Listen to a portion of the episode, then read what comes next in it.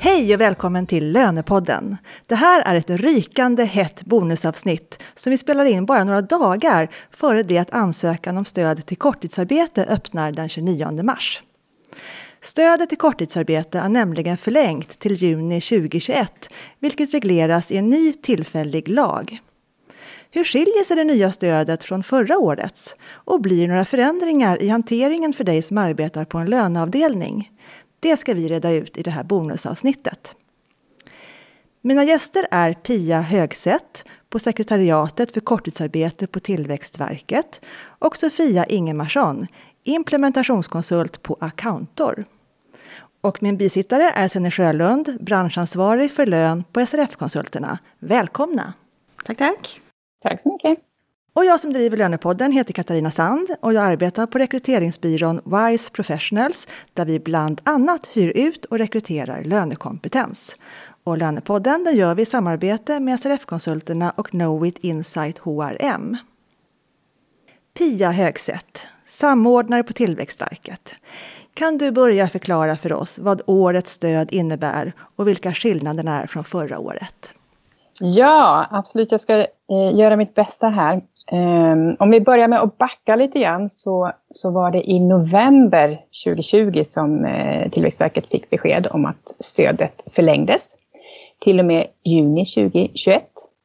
Och precis som du sa så blev eh, förlängningen reglerad i en ny tillfällig lag, vilket i praktiken innebär att eh, förlängningen blir ett nytt stöd. Och jag kommer återkomma till vad det innebär.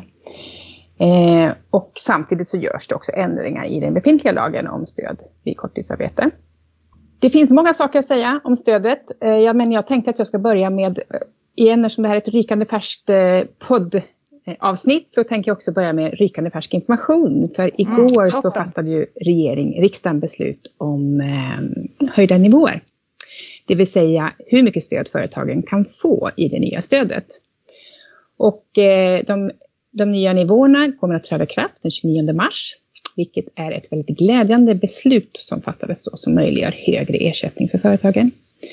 I sak så var det det som beslutas att det blir möjligt att söka stöd för korttidsarbete upp till 80 procent av arbetstiden under januari till och med juni 2021. Det var alltså inte för hela perioden enligt den, de tidigare, tidigare reglerna. Och det beslutades också att staten står för 75 procent av kostnaden för arbetstidsminskningen under hela stödperioden. Det vill säga de sju månaderna december till och med juni. Lönetaket på 44 000 kronor per månad kvarstår. Vi kommer att återkomma till vad lönetaket innebär lite senare. Och vi vet ju från 2020 att det har varit ett högt tryck på de här stöden. Eh, vi har totalt 580 000 personer som har varit permitterade under någon del av det gångna året och 32 miljarder kronor har betalats ut i stöd. Det är fortfarande akut i många branscher och behoven är betydande även i det nya stödet. Så igen, ett positivt besked igår med höjda nivåer. I det nya stödet så kommer företagen alltså kunna söka stöd för totalt sju månader från 1 december 2020 till den 30 juni 2021. Och ansökan, som du precis sa, öppnar nu på måndag den 29 mars. Det är väldigt nära i tid nu.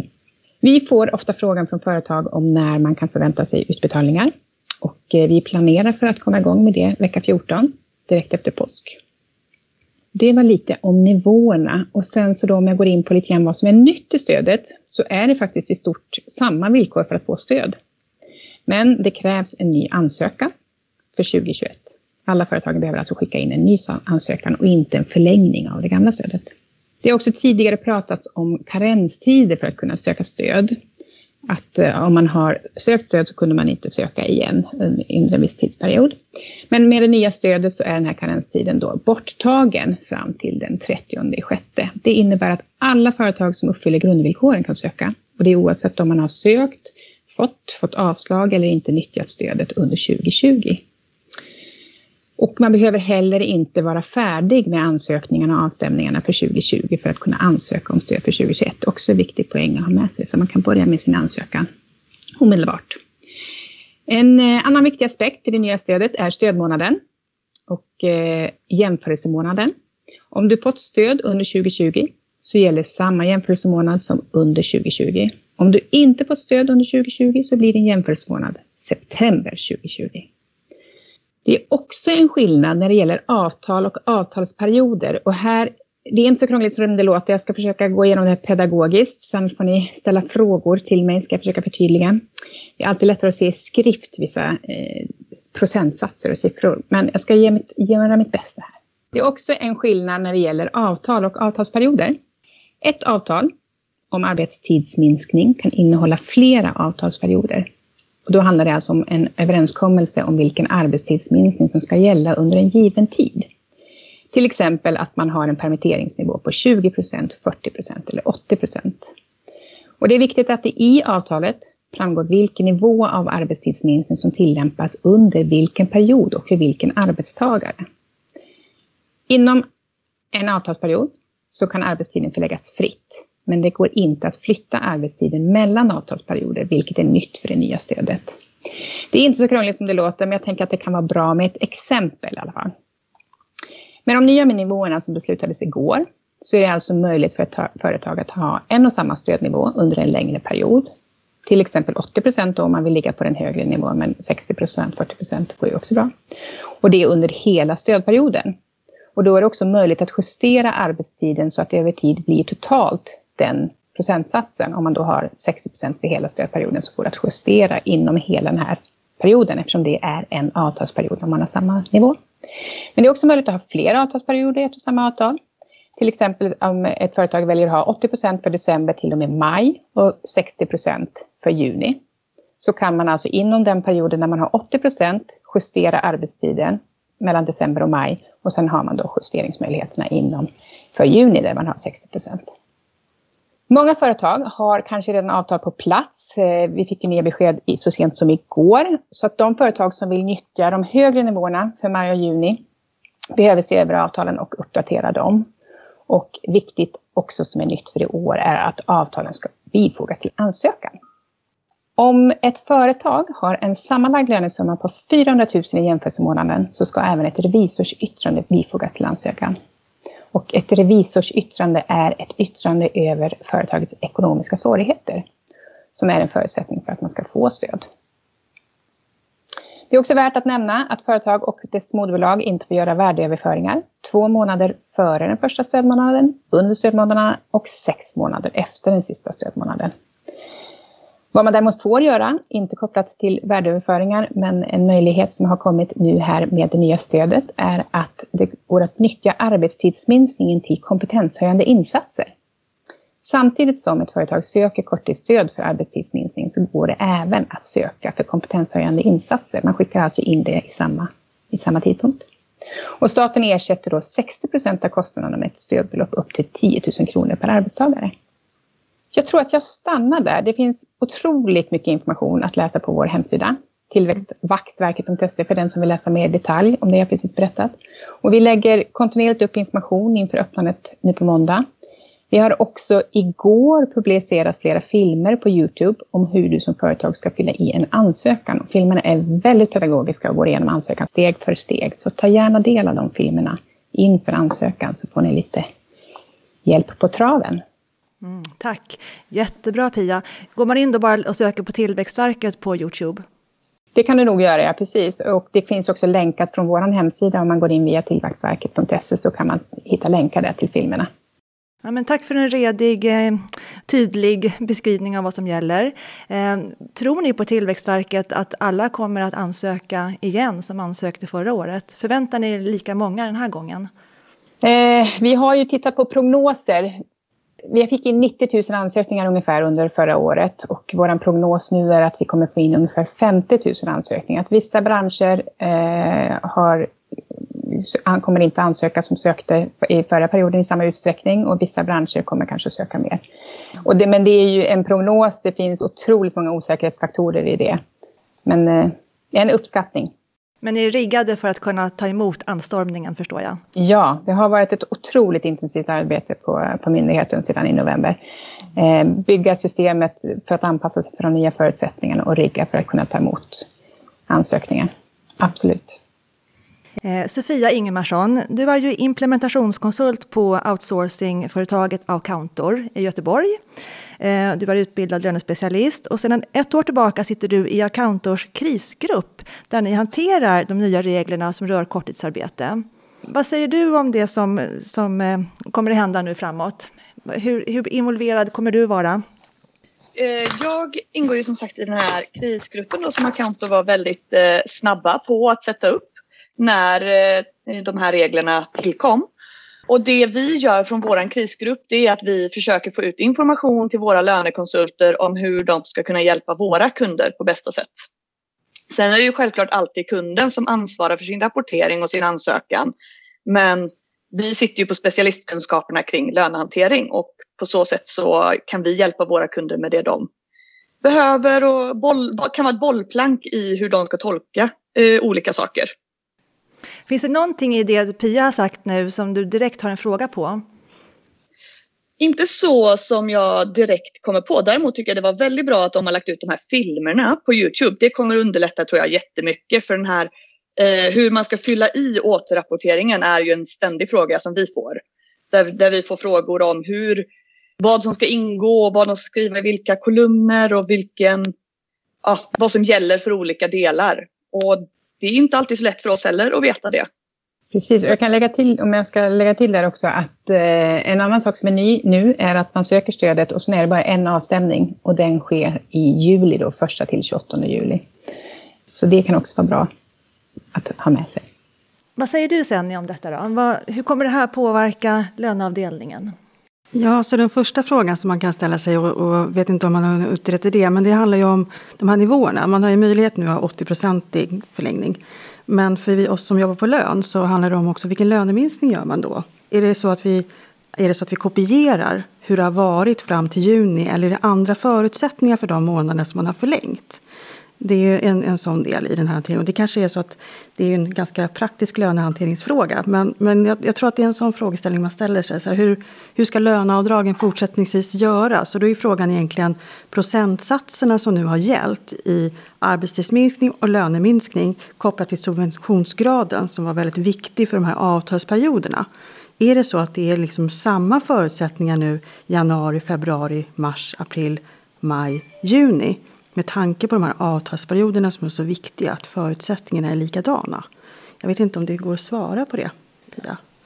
Jo, undrar om inte vi har publicerat den informationen på vår hemsida idag också. Eh, jo, men det stämmer att de eh, avdragen som då görs på, på arbetstagarnas lön, procentsatsen där är densamma eh, som det har varit. Det vill säga 4% på en arbetstidsminskning för 20% 6 vid en arbetstidsminskning på 40 procent, 7,5 i 60 procent och 12 procent vid en arbetstidsminskning på 80 procent.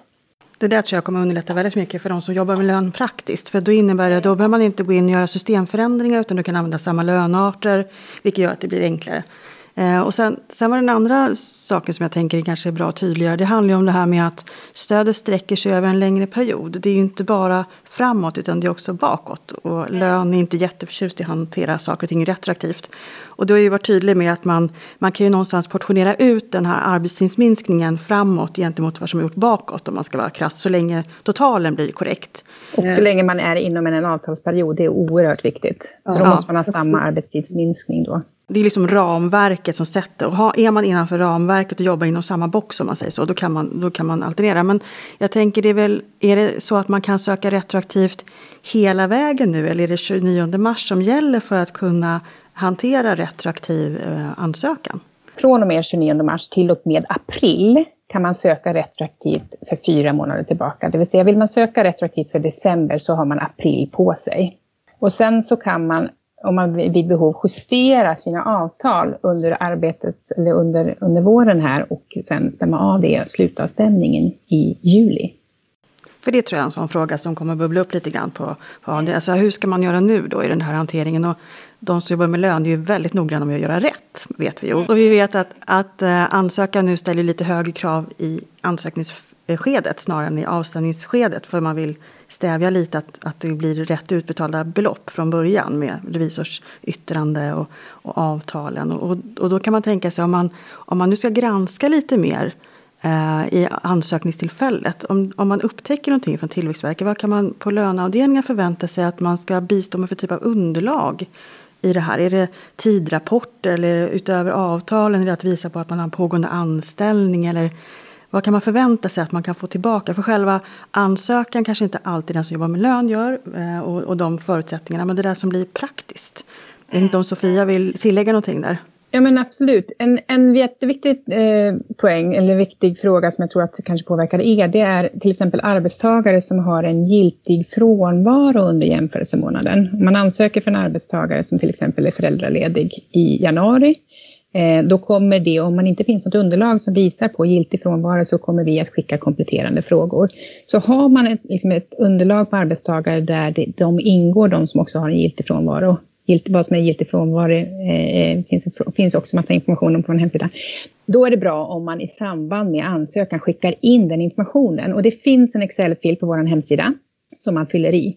Så att vi har den informationen. Har vi den informationen samtidigt som vi får ansökan så kommer också handläggning gå snabbare. För det är ju så, precis som du är inne på. Så behöver du komplettera och skicka in och vi behöver fråga, ställa frågor så tar handläggningen av ansökan längre tid. Så det är typiskt en sån, en sån sak som är bra att ta med vid ansökningstillfället. Och vi gillar väl att vara proaktiva Sofia, eller hur? Ja, precis. Så den Excel-listan undrar jag då, finns den tillgänglig så att alla kan ladda ner den? Eller måste man ha, vara inloggad? Du, det vet faktiskt inte jag. Det, men det är någonting som jag kan kontrollera. Ja. För man skickar in den i, sam, i samband med sin ansökan. Jag skulle kunna kolla alldeles jättesnabbt nu. Det är väl speciellt intressant för er inom outsourcing? Det blir väldigt mycket lättare för oss att hjälpa våra kunder när vi vet när vi ser hur underlaget som Tillväxtverket vill ha in eh, ser ut. Precis, det är ju fullt förståeligt. Lättare att svara på frågor då. Ja. Jag tänker också de här informationsfilmerna som också har funnits på Tillväxtverkets hemsida sedan tidigare med hur man faktiskt kan styrka och se hur själva processen ser ut när man lämnar in. Det är också en sån sak som underlättar. Så det är väldigt bra att de här informationsfilmerna finns. För det gör ju, är man i tredje part om man säger så, som man är som outsourcing så har man stort behov av det. Inte, inte minst bara för att kunna pedagogiskt förklara, eller hur Sofia? Precis. För det blir väldigt eh, svårt för oss att ge korrekta svar eller några svar alls när vi inte riktigt vet vad Tillväxtverket vill ha för någonting. Och sen också att det blir lite begreppsförvirring. Många kunder som vi hjälper har ju inte någon inhouse som jobbar med löner utan det kan, det kan vara en VD eller en eh, ja, kanske en ekonomichef eller en HR-person eh, som vi stöttar med de här frågorna och då är det inte alltid att man pratar samma språk och då får man försöka att hitta någon form av eh, eh, ett kommunikationssätt som alla förstår. Liksom. Precis. Eh, jag har hittat information om Excelen och det går att ladda ner den från vår hemsida även om man inte är inloggad. Och då är det rapportering av giltig frånvaro i Excel. Heter den så, filen? Det är Excel-filen, precis. Mm. Vad härligt att vi kan reda ut sådana här praktiska frågor direkt under sändningstid. Det är fantastiskt. Ja. Eh, Sofia, jag vet, du har med fler konkreta frågor till, till Pia. Eh, ja, sen kanske det kan vara så att det är lite för lönedetaljerade frågor på vissa. Eh, men till exempel så har vi många kunder nu som har lönerevisioner i och med att många kollektivavtal har blivit slutförda nu. Och då gäller ju de oftast retroaktivt tillbaka i tiden och det, där uppkommer det ju väldigt mycket frågor. Kan, vad ska vi skicka in för underlag till Tillväxtverket? Ska den nya lönen ingå eller ska det vara den gamla lönen som ingår? Och hur ska vi hantera avdraget som vi gjorde i exempelvis december? Ska vi backa lönekörningen och göra om det avdraget eller ska vi göra ett retroaktivt avdrag på den här lönen när, när höjningen betalas ut? Och det här förstår jag kanske Pia är väldigt svårt för dig att svara på rakt av så, men det är många av de, den typen av frågor som vi får på, till oss som outsourcing och också som många av våra lönekonsulter då funderar över. Mm. Ja, men jag ska göra mitt bästa här. Eh, om man pratar om lönehöjningar så ska, om vi börjar där, så ska arbetsgivaren utgå från ordinarie lön för att beräkna stödbeloppet. Vilket innebär, och ordinarie lön då är exklusive lönehöjningar som har gjorts efter jämförelsemånaden. Det vill säga har man sökt stöd 2020 så har man ju en jämförelsemånad för det stödet och då är det den lönen som gällde under 2020. Och har man inte sökt utan man går då för eh, får, får jämförelsemånaden september 2020 så är det den lönen som gällde då oavsett om det skett löneökningar därefter. Och det här är, eh, följer av lagen som är väldigt tydlig på den punkten. att den ordinarie lönen beräknas på just lönen i jämförelsemånaden. Och där kan vi väl kliva in och säga då, då blir det lite äppel och päron eh, diskussioner som vi hade ett tag. Att det här är ju hur stödet beräknas. Mm. Alltså hur Tillväxtverket ser på stödet. Sen hur man hanterar det lönemässigt. Det är ju en annan aspekt i det. För att där skulle jag ju säga att man gör löneminskningen på den reviderade lönen. Så har man fått en ny lön så är det den man ska göra arbetstidsminskningen utifrån. Alltså den löneminskningen som är kopplad till den procenten. Eh, och, och där finns det ju det, det, är många som går på den linjen. Så det handlar ju någonstans om att stödet är ju någonting som ska fördelas i kostnad mellan arbetsgivare, anställd och staten. Där den anställda har en lite mindre del i den här hanteringen. Men det är fortsättningsvis då att man ska ju ta den delen av lönen som faktiskt motsvarar arbetstidsminskningen. Så i vår rekommendation så går man ju då att man, stödet beräknas på det som har varit tidigare. Men löneminskningen gör man utifrån den lönen som den anställde har. Alltså den som vi... Och då är det tillbaka till de här begreppen ordinarie lön. För då är det ordinarie lön hos Tillväxtverket och sen ordinarie lön hos oss. Och då blir det en sån här äh, hantering. Nu sa du era rekommendationer Senny. Har ni lagt ut någonting på SRF-konsulternas hemsida kring det här också som man kan titta på? Alltså vi har ju en branschkod som vi uppdaterar eh, kontinuerligt. Vi stämmer av det med Tillväxtverket också. Så, att det, ja. vi har haft så är man osäker just liksom lönehanteringen kan man gå in på SRF-konsulternas hemsida? Ja. Mm. Jättebra. Pia? Det jag ska säga där då, att eftersom den här överskjutande delen efter en löneökning alltså inte är stödgrundande så ställer vi på myndigheten inte något eh, krav på att löneminskningen ska göras på den delen. Utan det blir då, löneökningen är eh, någonting som arbetsgivaren själv får stå för. Med det sagt så finns det inget hinder för att arbetsgivare, arbetstagare och eventuella fackliga organisationer själva kan avtala om att löneminskning ska ske även på det överskridande beloppet.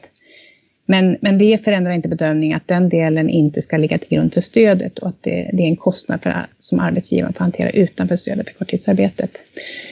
För den stödberättigade delen, det vill säga den ordinarie lönen, finns det krav på löneminskning däremot.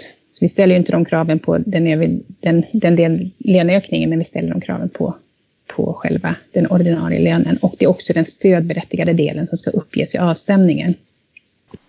Och jag vill bara säga det som du säger Pia, det är jätteviktigt att man får tänka på det att allting det här regleras i avtal vanligtvis. Mm. Och det är det som ska vara styrande, utan det handlar ju om när man hamnar i det läget att man kanske inte vet vad man, vilken fot man ska stå på.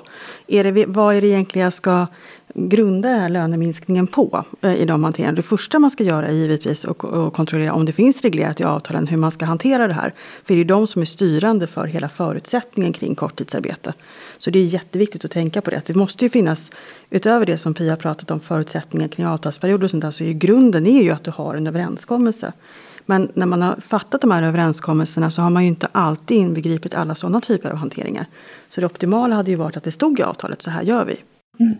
Så det är, sen är det många som har flera avtal. Alltså mm. Man kan ju ha väldigt många kollektivavtal på sin löneavdelning att hantera och då blir det jättekrångligt kanske? Eller? Ja, men jag tror att de flesta faktiskt har gått på linjen. Om man, om man, om man sonderar terrängen lite grann så går man ju ofta på den linjen att man utgår ifrån det som är aktuell månadslön när man gör löneminskningar. Om vi ska använda det begreppet istället så att det blir det som man faktiskt får utbetalt mm. eh, här och nu. Hur hanterar ni det här Sofia? För ni har ju många kollektivavtal att hantera. Mm. Tycker du att det här är problematiskt? Ja, det, det, kan det ju vara eftersom många av våra kunder eh, är ju ofta små bolag som kanske inte är kollektivavtalsanslutna. Och då behöver de ju ha avtal med minst 70 procent av arbetstagarna för att få göra korttidsarbete. Och där är det ju många som kanske inte tänker på alla de här parametrarna att det ska stå med i avtalet. Så där har vi ju en jätteutmaning med att veta hur vi ska hantera det. Eh, men som Senni säger så har vi eh, överlag hanterat det som så att det är den ordinarie månadslönen som löneminskningen sker på. Och det gör ju också att det blir väldigt mycket lättare att hantera exempelvis sjukfrånvaro eller semester eller andra eh, typer av eh, lönerelaterade saker som, som påverkas av vad för månadslön den anställde har. Jag kan säga det också att vi jobbar i en gruppering som vi har nämnt någon gång förut som heter SRF Lönsam där vi har systemleverantörerna i Sverige som då står bakom den här branschkoden. Så lösningarna i systemet är ju grund, grunden är att man går på den principen kan vi säga. Sen är det så att det är alltid upp till avtalet och den arbetsgivaren och arbetstagaren som ska komma överens om det. Så, så man kan inte förekomma någonting som är ett avtal.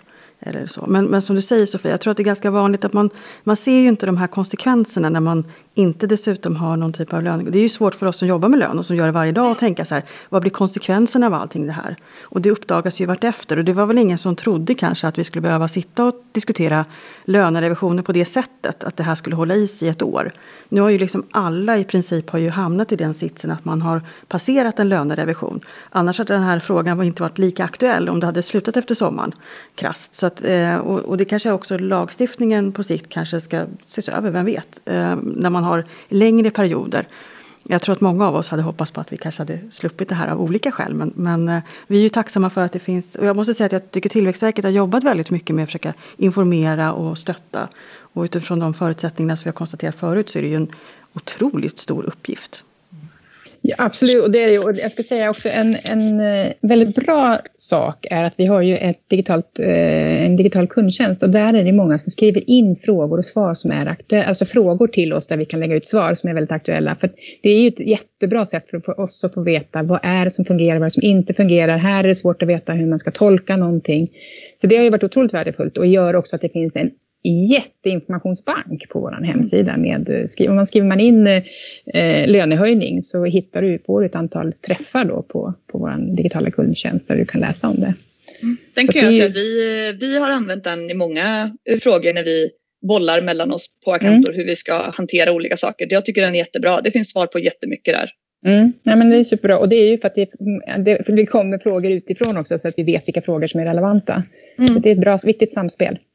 Sen kan vi dock tycka kanske att den är lite svår att hitta. Att man inte riktigt förstår vart man ska klicka för att komma dit. Mm. Men när man ja, väl har hittat den så är den jättebra. Mm. Det är den där magiska knappen som vi söker i lön, va? Att man hittar. Men Pia, kan du passa på då att berätta hur man hittar den? Var ska man klicka någonstans? Ja, om man går in på, på vår hemsida då, tillväxt vaxtverket.se så får man på första sidan en ganska högt upp på en lila rand en länk som säger, säger här hittar du information om korttidsarbete. Då kommer man in på portalen om korttidsarbete där man hittar allting om både 2020 och eh, 2021 och också där man loggar in på sina sidor. På högersidan så finns det en, en eh, grå ruta som alltid följer med oavsett om man liksom går vidare som heter frågor och svar. Klickar man på den då kommer man in på vår digitala kundtjänst och kan hitta hitta alla frågor, tips på aktuella frågor, eh, information om korttidsarbete och en sökrad där man då kan eh, skriva sin fråga eh, eller också en knapp som säger fråga oss där man kan skicka in en fråga. Jättebra. För vi ska också vara väl medvetna om att ni har ju gått igenom en otrolig resa på Tillväxtverket. Ni dubblerade ju antalet medarbetare förra året och det här var liksom helt nytt för er också. Så att eh, det är ju härligt att man kan se den här samverkan, att i den här chatten då så kan vi hjälpas åt att få till de här svaren på frågorna och utveckla det här på bästa sätt. Jättebra. Sofia, är det någonting mer som du skulle vilja fråga Pia? Jag skulle bara vilja fråga, eller kanske förtydliga det rättare sagt eh, hur länge den nya perioden sen kommer vara öppen för återrapportering, alltså efter den sista juni, eh, då det kommer vara mitt i semestertider för många. Mm. Jättebra fråga Sofia. Den avstämnings, det finns ju bara en avstämning i det nya stödet och det är slutavstämningen och den är i juli, första till den 28 juli. Kanon. Det kommer ju många behöva för att kunna planera sina, sin sommar sen, sina mm. semestertider. Mm. Precis. Ja, det är bra tänkt.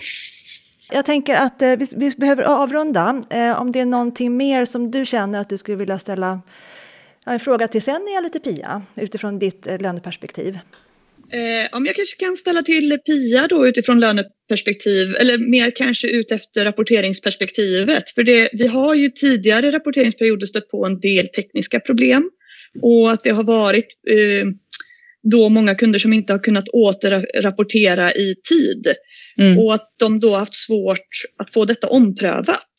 Mm. Eh, är det något som Tillväxtverket har eh, jobbat på inför den här avstämningen och har eh, en plan för? Ja, den krassa verkligheten är att vi är, vi är bundna av lagens utformning här och den är tyvärr väldigt strikt. Skickar man inte in sin anstämning i tid så riskerar man att bli återbetalningsskyldig.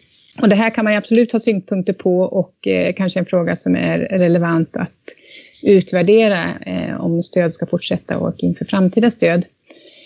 Eh, och det är precis som du säger, att utrymmet för att sätta ner återkravet är begränsat. Det har även förvaltningsrätten bekräftat i sina domar och eh, skäl som kan göra det uppenbart skäligt att kräva tillbaka stöd vid sen avstämning kan vara till exempel dödsfall, sjukdom eller tekniska problem. Och det går att få sin sak prövad, då behöver man skicka in en överklagan i ärendet eh, och den informationen då finns i beslutsbrevet. Så situationen ser inte annorlunda ut. Eh, det är lagen som, som styr där och eh, vad vi försöker göra är att informera, vara tydliga med hur viktigt det är att skicka in informationen i tid eftersom det här är konsekvensen om man jämför med till exempel omställningsstödet som Skatteverket har där det finns en annan möjlighet så har vi tyvärr enligt lagen inte den möjligheten.